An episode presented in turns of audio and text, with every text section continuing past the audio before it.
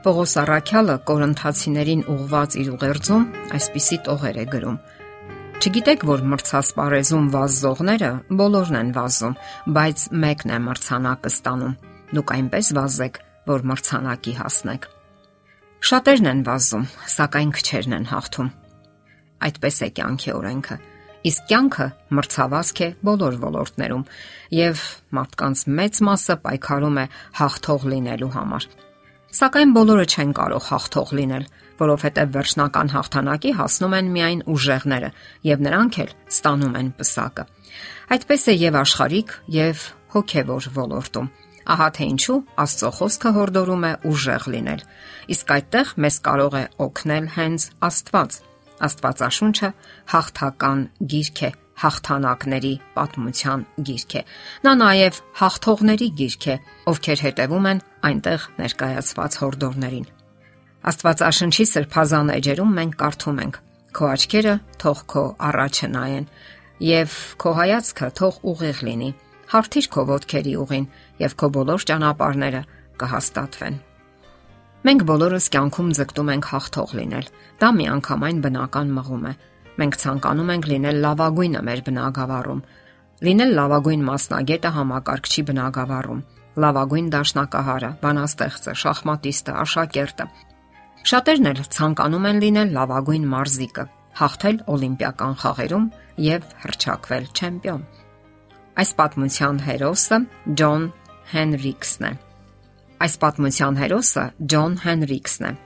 Նա 1956 թվականի Մելբուրնի Օլիմպիական խաղերում հրճակվում է լողի չեմպիոն, նվաճելով բարձրագույն պարգևը՝ ոսկե մեդալը եւ դա նրա 56-րդ անընդմեջ հաղթանակն էր։ Մնում է ավելացնել, որ այդ ամենը նա հասցնում է նվաճել ընդամենը 3 տարում։ Ահա թե ինչ է գրում հաղթող մարզիկը իր մարզական ուղու եւ հաջողության գաղտնիքների մասին։ Տեսնում եք, ահա այնտեղ լողավազանն է։ Եթե դուք ցանկանում եք լինել լավագույնը, ցածկեք եւ լողացեք։ Արեք այդպես 3 տարի, 4 տարի, 5 տարի եւ ամեն անգամ, երբ դուք փորձում եք կանգ առնել, ձեր մարզիչը սկսում է հայհոյել եւ բղավել ձեզ վրա։ Դուք նողկալի վարակներ եք վաստակում արևադարձային ջրերում լողալու ժամանակ, որ բոկվում է ձեր ականջը, սակայն շարունակում եք լողալ։ Դուք սափրում եք ձեր գլուխը եւ ոտքերը միայն այն բանի համար, որpիսի նվազեցնեք ջրի դիմադրությունը։ Դուք սրտի ցավով եք հրաժարվում բոլոր հրավերքներից, տոներից, որովհետև զբաղված եք։ Դուք լողում եք առաջ, հետ, առաջ, հետ, առաջ, հետ եւ ավարտելով մարզումները սկսում եք ուժային վարժություններ անել կամ պարկել մեջքի վրա։ Իսկ ձեր ընկերներն այդ ժամանակ գնում են ուրախանալու ուրախ զվարթ ընկերակցություններում կամ էլ հանգստանալու։ Ահա սա է հաղթանակի գինը։ Մեկ այլ մարզիկ օլիմպիական խաղերի հաղթող Մայքլ Ֆելփսը նույնպես հսկայական ջանքեր է ներդնում եւ զոհաբերությունների դիմում, որpիսի հասնի հաջողության գագաթին։ Լողալն սկսում է 7 տարեկանից, իսկ 2004 եւ 2008 թվականի Օլիմպիական խաղերում համընդհանուր հաշվարկով նա նվաճում է 14 ոսկյա եւ 2 բրոնզե մեդալ։ Մինչև 2009 թվականի դեկտեմբերը նա սահմանում է 39 համաշխարհային ռեկորդ, ավելի քան ցանկացած այլ մարզիկ։ Իսկ դուք ունեք երազանքներ։ Միգուցե դուք նույնպես ցանկանում եք դառնալ նշանավոր մարզիկ, նշանավոր ջութակահար կամ նյարդավիրաբույժ։ Իսկ միգուցե ցանկանում եք հայտնաբերել քաղցկեղի բուժման դեղամիջոցը կամ գնալ Աֆրիկա ավետարանչական առաքելությամբ եւ նախքան կսկսես քո ընթացքը մի պահ կանգ առ եւ հաշվարկիր այն զրկանքները, որոնք անխուսափելի են։ Ինչից պետք է հրաժարվես։ Խնդրիր Աստծուն, որ ճիշտ որոշումներ ընդունես եւ ապա խնդրիր ուղղորդել քո ճանապարհը Մեծ նպատակները մեծ ջանքեր են պահանջում։ Նրանք խլելու են քո ամբողջ ժամանակը, ուժն ու երանդը։ Իսկ ցանկանում եք ունենալ հոգևոր հաղթանակներ։ Դրանք եւս ջանքեր են պահանջում։ Դուք պետք է հաղթահարեք ոչ քիչ արգելքներ ու խոչընդոտներ, որոնք կլինեն ձեր ճանապարհին։ Դուք պետք է հավատքով նվաճեք հավերժական կյանքը։ Պողոս Արաքյալն ասում է, որ ուժեղներն են նվաճում երկնային արխայությունը։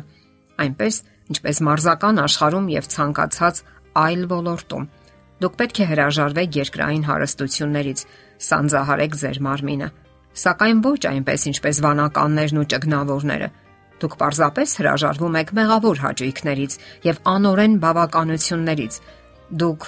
ձեր կյանքը նվիրաբերում եք Քրիստոսին եւ ձեր նպատակը ոչ թե օլիմպիական մեդալներն են կամ համաշխարհային ռեկորդները, այլ հավերժական կյանքը եւ անասելի բավականություն երկնային Երուսաղեմում, Աստծո եւ նրա փրկված ժողովրդի հետ։ Երկնային այդ քաղաքը եւ Հիսուսի ներկայությունը պետք է լինի մեր հաղթանակը եւ այնտեղ բնակվելը մեր ամենամեծ ռեկորդը։ Եվ թող մեզ համար փարոս լինեն Հիսուսի հետեւյալ խոսքերը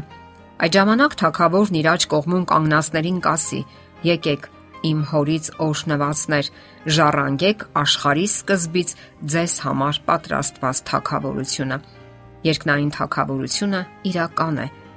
Այդ թակավորության մասին բազմիցս խոսվում է Աստվածաշնչում։ Քրիստոսն ինքը շատ անգամներ է խոսել այդ քաղաքի մասին եւ հիշատակել իր քարոզներում։ Իսկ ինչպես դառնալ հաղթող եւ այդ հիանալի քաղաքի բնակիչը։ Աստվածահաճո եւ բարոյական կյանք, անznական խոր փոխհարաբերություն Աստծո հետ։ Աստծո խոսքի ամենօրյա ընթերցումներ եւ մտորումներ, կանոնավոր աղոթքներ։ Այդ ընթացքում մենք միգուցե ստիպված լինենք հրաժարվել երկրային շատ այսպես կոչված բարիքներից, սակայն ջանքերն արժեն դրան։ Հարցն այն է, պատրաստ ենք արդյոք մենք Ինչպես Պողոս Առաքյալն է ասում,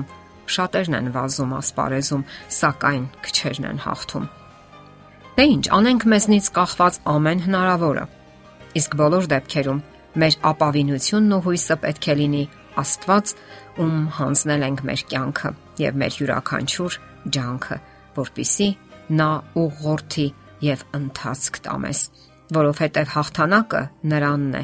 եւ նա է մեզ նվիրում այդ հաղթանակը։ Եթերում է ղողանջ հավերժության հաղորդաշարը։ Հարցերի եւ առաջարկությունների համար զանգահարել 033 87 87 87 հեռախոսահամարով։